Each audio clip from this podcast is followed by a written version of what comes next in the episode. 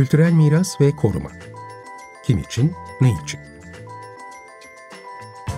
Hazırlayan ve sunanlar Asu Aksoy ve Burçin Altınsay.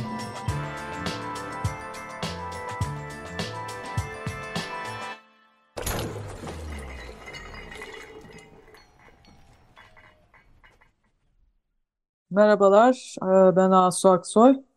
Merhabalar, ben Burçin Altınsay. Bir süredir depremle ilgili yapıyoruz programlarımızı. E, konuklarımız da oldu daha önce. Bu hafta hem deprem bölgesinde hem de İstanbul'da önemli etkinlikler ve toplantılar oldu. Bu hafta bunlardan sizlere haberler vermek üzere bir program oluşturduk. İkimiziz yani bu akşam. evet konuğumuz yok ve hızlıca yok. bu haberleri gündem çok hızlı değişiyor biliyorsunuz ve hızlıca bunları size aktarmaya çalışacağız. Ancak evet. özet olacak tabii. Aslında üstünde bayağı durulacak başlıklar çıkacak. Belki ileride bunları biraz daha ayrıntılı açarız evet, yani. Konuları izlememiz e, gereken konular hepsi bunların devamını getiririz. İlk önce İstanbul'dan başlayalım istersen Asu. Evet İstanbul'da e, Cuma günü 7 Nisan Cuma günü e, İstanbul Büyükşehir Belediyesi İBB Miras İstanbul'un mirası ve deprem riskinin yönetimi başlıklı bir bilgi paylaşımı ve çalışma toplantısı gerçekleştirdi. Tam başlığı buydu. Bayağı kalabalık bir toplantı oldu. Önemli bir toplantıydı. Yani deprem e, İstanbul'da da işte e, konuşulmaya başlandı önlemler nasıl alınacak? Yani bir afet yönetimi perspektifinden ve tabii ki İstanbul kültür tarihi, kültür varlıkları açısından çok zengin bir şehir. Dolayısıyla bu kültür varlıklarının karşı karşıya olur, riskler nasıl yönetilecek? Önemli bir toplantıydı. Burada 65 kurumun temsilcileri vardı, bilim insanları vardı, konuşmacı çok sayıda önemli konuşmacılar vardı ve sunuşlar yapıldı. Ardından da böyle 5 ayrı masada işte mevzuatın değiştirilmesi konusunda, güçlendirme konusunda, afet risk planlaması konularında arama tartışmaları yapıldı ve öneriler geliştirildi. Bunun raporu herhalde önümüzdeki günlerde e, çıkar. Şimdi burada İBB Genel Sekreter Yardımcısı Mahir Polat'ın bir açılış konuşması oldu. E, ardından da konuşmacılar arasında ilk sözü alan Kültür Varlıkları Daire Başkanı Oktay Özel'in söyledikleri oldu. Orada da önemli başlıklar vardı değil mi Burçin? Evet onlar tabii bu daha sonraki çalışma masalarında tartışılmasını istedikleri yani İstanbul için tartışılması gerekli olan konuları e, sıraladılar. Hı hı. Ve sonuçlarda da deprem tarihi İstanbul'un işte şimdi olan Kahramanmaraş depremlerinde sonraki durumdan öğrenilebilecek olanlar ve depremle ilgili başka bilgilendirme e, sonuçları da oldu. Evet, zemin e, koşullarıyla ilgili işte dediğin gibi kültür varlıklarının Kahramanmaraş depremlerinde nasıl etkilendiğine dair bayağı ayrıntılı sunumlar oldu. İstanbul'la ilgili de önemli bir takım tespitler yapıldı. İstanbul'da 35 bin tescilli kültür varlığı var. Bunlar tescilli olanlar sadece ve bunların yani yarısından fazlası aslında deprem bakımından riskli bölgelerde yer alıyor. Ee, yani neredeyse 18 bine yakın riskli bölgelerde yer alan kültür varlığımız var. Bunların arasında 3500 tane de metruk yapı var. Ee, bu arada İBB'nin metruk durumdaki kültür varlıkları ile ilgili bir çalışma başlatmış olduğu anlatıldı bayağı kapsamlı bir şekilde. Bu da önemli bir şey oldu. Nasıl diyelim e, açıklama ve bir bu konuda başlatılmış çalışmanın önemi. E, tam da o gün Karaköy'de bir bina, tam da böyle bir metruk bina çökmüştü o gün. Evet, evet. Yani metruk tanımı zaten e, terk edilmiş ve uzun süredir herhangi bir müdahale yapılmayan yani deprem olmasa da acil olarak müdahale gerektiren, destekleme gerektiren durumdaki yapılar bunlar. Çünkü bakımsız ve çürümeye e, bırakılmış. O bakımdan metruk yapılarla ilgili bir çalışma başlatmışlar. Tabii deprem anında da en çabuk etkilenecekler arasında oluyor bunlar riski yüksek yapılar yani. Hı hı. Evet bu Karaköy'deki binada bir gün önce e, çökmüştü. Ondan da bir gün önce aslında İBB Miras ve Kültür Varlıkları Daire Başkanlığı e, bunun duyurularını yaptı. E, hatta önlemler alındı. Karaköy Kemeraltı Caddesi üzerinde tam tramvay yolunun kenarında zemin artı dört katlı geç 19. yüzyıl e, yapısı İstanbul'un e, pek çok yerinde gördüğümüz tarz kagir yapılardan biri bu. Nitekim hemen ertesi günde yapı kısmen e, çökerek yıkıldı ve bütün çevresini de etkiledi. Bize o gün toplantıda da verilen bilgilere göre aylardır aslında bu uyarıları Kültür Varlıkları Daire Başkanlığı yapmaktaymış. Koruma Kurulu'ndan buranın desteklenmesi ve korumaya alınması için önlem almaları yönünde bir karar üretmeleri için yazışmaları olmuş. Hatta bu son bir gün önce de acil bir toplantıyla bir karar üretmeleri istenmiş. Ama bu karar e, yapılmamış, olmamış, alınmamış. Alınmamış, evet. toplanılmamış ve yapı sonunda gayet dramatik bir şekilde çöktü. Üstelik Aslında bu yapının bu şeyi var Burçin yani evet evet projesi yani, varmış yapının. Değil sahibi var. Projesi hatta onaylı projesi var otel yapılmak üzere. Ama e, aylardır onaydan sonra da binaya bir şey yapılmamış. Öylece bekleniyormuş. Tabii bunlar çok basit bir desteklemeyle bu çökme engellenebilir. İşte etrafına bir e, perde çekerek çevreye zarar vermesi de engellenebilir. Bunlar yapılsaydı bugün çökmemiş olacaktı yapı. Bu konular vurgulandı. Buradan aslında işte risk durumunda olan yapıların ne demeye geldiğini de anlıyoruz biraz. Değil Ve mi? Bu, Çok sembolik böyle şey. durumlar için yani deprem öncesi riskli yapılar için veya deprem hemen sonrasında hani hep söz ediyoruz ya başından beri bu kalıntıların desteklenmesi gerekiyor. Bütün bu bu acil olan e, dönem için bizim bir e, mevzuatımızda ve alışkın olduğumuz ya da yerleşik olan proje üretme ve onay süreçleri içinde e, bir yer olmadığı görülüyor. Bunlar Zaten acil müdahale olmadı. gerektiren durumlar. Yani her türlü acil müdahale gerektiren çökmesin diye önlem alınması gereken durumlar. Yani mevzuata bunu bağlıyoruz çünkü yani bu, bu, bu bina sembolik bir şey işte yani e, sahibi var uzun zamandır sahipli ve bakım görmemiş bekletilmiş Onaylı işte, projesi de var. Bu da onaylı çok... projesi var evet ama bu işte risk artık e, altına girmiş. Bir kolonu zayıflamış. Bunun üzerine acil müdahale edilmesi gerekiyor. Senin de dediğin gibi. Kurumlar harekete geçip bunu sağlayamıyorlar falan. Yani düşün İstanbul'da 17.900 tane bin, e, kültür varlığı var. Bunlar riskli bölgelerde ve bunların bu binaların kendilerinin ne, ne çeşit riskler altında olduğunu bir e, bilmiyoruz.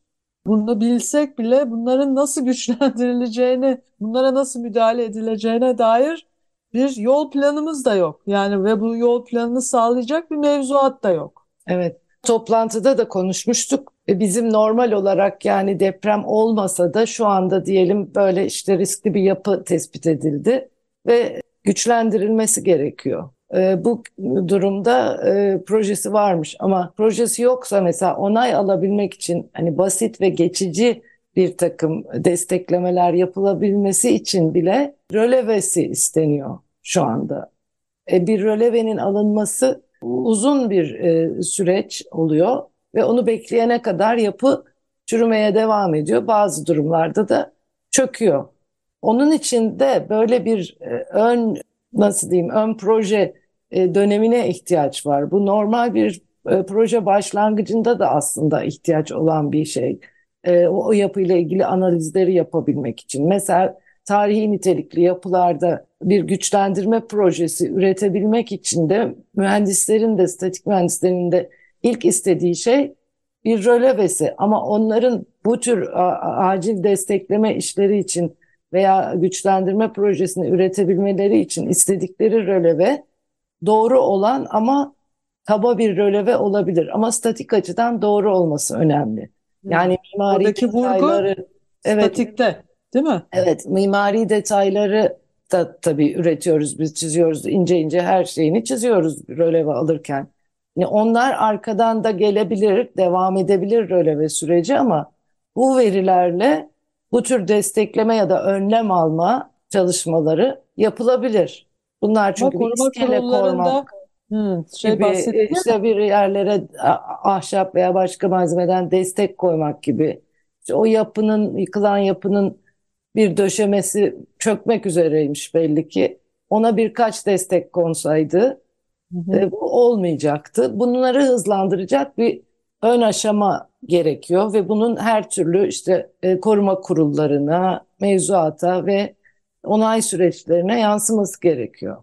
Aynen ve Bu bunun bakımdan aslında bunu da ilgili yani. evet bunu bunu bu konuşuldu bayağı e, kapsamlı bir şekilde, etraflı bir şekilde. Mahir Polat da yani bunun önleyici koruma kavramını kullandıklarını söyledi İBB miras olarak. Fakat galiba koruma kurullarında da inşaat mühendisleri yer almıyor. Yani böyle bir statik proje geldiğinde e, koruma kurullarında bu, bu projelerin değerlendirilebilmesi için Evet öyle. yer alması gerekiyor. Yani şu anda e, koruma kuruluna sunulan restorasyon projelerinin onayında statik rapor istenir. Hı hı. Statik rapor tabii bu ayrıntıda yapının statik e, durumuna müdahaleye baz oluşturacak kapsamda bir çalışma değildir. Yani statik e, proje yoktur e, orada. Onu daha sonra belediyesinden onay ruhsat alırken statik projesi üretilir. Ama tabii normal koşullarda hani buralara bilinçli yaklaşan projeciler zaten her zaman başından itibaren bir inşaat mühendisiyle çalışırlar. Kurulda bunu değerlendirebilecek birikimde birisi olmayınca tabii e, bu değerlendirilememiş oluyor ve e, yani kurulların yapısı pek çok bakımdan şu noktada sakıncalı ama onlara girmeyelim şimdi istersen. Evet. Yine tekrar rakamlara dönecek olursak yani hani işte e, tescilli kültür varlıklarının yarısından fazlası risk altındaki yerlerde, bölgelerde. Yani bu Evet. binaların kendilerinin risk altında olduğu anlamına gelmiyor. Yani deprem açısından riskli alanlarda bunların arasında işte 3600 anıt eser var ve 10.800 sivil mimarlık varlığı var. Yani görüldüğü Bayağı gibi çok. çok ağırlıklı sivil mimarlık var. Bu ne demek? İçinde yaşanıyor. Konut demek. E Evet. bu da Veya yani dükkan. acilen, ha? Veya dükkan, ticarethane, Evet, başka doğru. şeyler, sosyal hizmet amaçlı işlevleri olabilir. Hı, Önlem alınmazsa yani dolayısıyla bu içinde bir sürü insanın çalıştığı, yaşadığı bu kültür varlıklarının e, c- yani can kaybının yüksek olacağını yani söylüyor. İşte bu söylenen rakam 400 bin kişi risk altında gibi bir hesap çıkıyor yani kaba yaptığınız zaman. Tabii anıtsal yapıları da düşünürsek e, camiler mesela e, bu toplantıda Deniz Mazlum'un sunuşunda da 1766 depreminin bir bayram günü olduğu ve o yüzden mesela camilerin, okulların boş olduğu, bu nedenle can kaybının göreli olarak az olduğu bilgileri var e, arşivlerde. Yani camiler de anıtsal yapı ama onun içinde de insanlar varsa e, onlar da çok e, tehlikeli tabii. E, şimdi tabii bu e, güçlendirme yani kültür varlıkları ya da tarihi yapı dediğimiz yapılar yeni yapılar gibi yıkılıp baştan yapılma alternatifi ne düşünmediğimiz yapılar. Biz onları korumak için uğraşıyoruz. E, Dolayısıyla işte betonarme yapılarda yönetmeliklerin dönemine göre de belirleniyor. İşte o eski yönetmeliklere uygun olanlar da mesela riskli ilan ediliyor. E, halbuki bir yandan bir şey daha var. İşte 20. yüzyıl mimarisi dediğimiz 60'lı yılların bazı çok özel sivil yapıları da tescilli değiller ama ve betonarme yöntemle yapılmışlar ilk döneme ait eski yönetmeliklerle ama onların da korunması gerekiyor ve dolayısıyla bir güçlendirme meselesi var. O güçlendirmenin yollarını üretmek önemli. E, mevzuatta yani mesela bir e, kültür varlıklarını ilgilendiren bir e, deprem yönetmeliğimiz yok. Çünkü bilinçli olarak aslında deprem yönetmeliğinin dışında bırakılmış kültür varlıkları. Çünkü standartize e, davranışlar göstermiyorlar bunlar. tipik Yani, şeyler üretilemiyor sonuçlar değil yani mi? e, her birinin durumuna işte yerine göre, yapım e, tarzına göre farklı davranışları olacak tabii. E, onun için hani normalde biz restorasyon projesi üretirken onun depreme karşı sağlamlaştırılması için de oraya özgü bir proje üretiyoruz. Ama şimdi önceden böyle bir önlem alma bir güçlendirme için bir hamle yapacağımız zaman bunların nasıl davranacağının bilinmesi ve ona göre güçlendirme müdahalelerinin ilgilendiren projelerin yapılması lazım. Bunun için de aslında yapı tiplerinin yani bunu böyle durumlarda aslında riskli durumlarda veya deprem sonrası durumlarda artık bazı restorasyon e, yaklaşımlarımızda adaptasyonlar yapmamız lazım. Yani burada mesela o çözümleri mümkün olduğu kadar tipleştirme çalışmaları yapmak lazım. Yani nasıl yapı tipleri var İstanbul'da? Bunlar işte hangi durumdalar, nasıl bir zemindeler ve ona göre nasıl davranma olasılıkları var olabilir. deprem Yani. karşısında. Ona göre de bi- biliyorsun güçlendirme için çeşitli yöntemler var şimdi herkes e, ortada. Çok da fazla değil aslında o Anlatıyor. yöntemler herhalde. Yani deneyim var ama yeterli değil. Çünkü hala çalışılan konular bunlar. Ama birkaç bir yelpaze oluşturulabilir sonuçta. O kadar da imkansız değil. Ve Sonuç olarak ama Burçin geliştirilebilir. yani e, şey ya İstanbul'da artık bu kültür varlıklarına yönelik e, ki te, sadece tesciller rakam olarak veriliyor. Bir de tescilsiz olanları önem e, s- taşıyan tescilsiz olanları da ka- kattığımızda çok büyük bir kültür varlığından bahsediyoruz. Yani bu kültür varlıklarının restorasyonu değil aslında şu anda güçlendirme odaklı e, ele alınmaları ve yani hepsinin neredeyse böyle bir güçlendirme odağından bir bakılıp bir Evet taranıp evet. o tarama Restorasyon üzerinden e, dediğimiz şey aslında koruma amaçlı yani koruma niyetiyle yapılan e, ve restorasyon olarak bilinen işin parçasıdır zaten güçlendirme aslında. E, Yani normal olarak yapman gereken bir şeydir. Ama şimdi burada bunu önden bu tedbirleri oluşturmak ve işte İstanbul'da hani senin gibi eski yapıda oturan ve ne yapacağını bir yerden öğrenmek isteyen insanlara yol gösterici e, kılavuzların oluşturulması lazım. Yani bunlar yasalaştırılıp mevzuata kesin e, yönetmelikler olarak girdiği zaman bu içerikte e, azalma olabilir. Çünkü yapıların işte kendine özgü durumlarını hepsini belirlemek e, için daha fazla onlarla ilgili doğrudan çalışmak lazım. Onun için bir kılavuz var şu anda eskiden 2017 yılında Vakıflar Genel Müdürlüğü'nün e, işte İKOMOS'un da desteğiyle Türkiye İKOMOS'un da desteğiyle ürettiği bir kılavuz var ama bu kılavuz konuya tam yapılar için tarihi yapılar için deprem risklerinin yönetimi kılavuzu bunun güncellenmesi gerekiyor.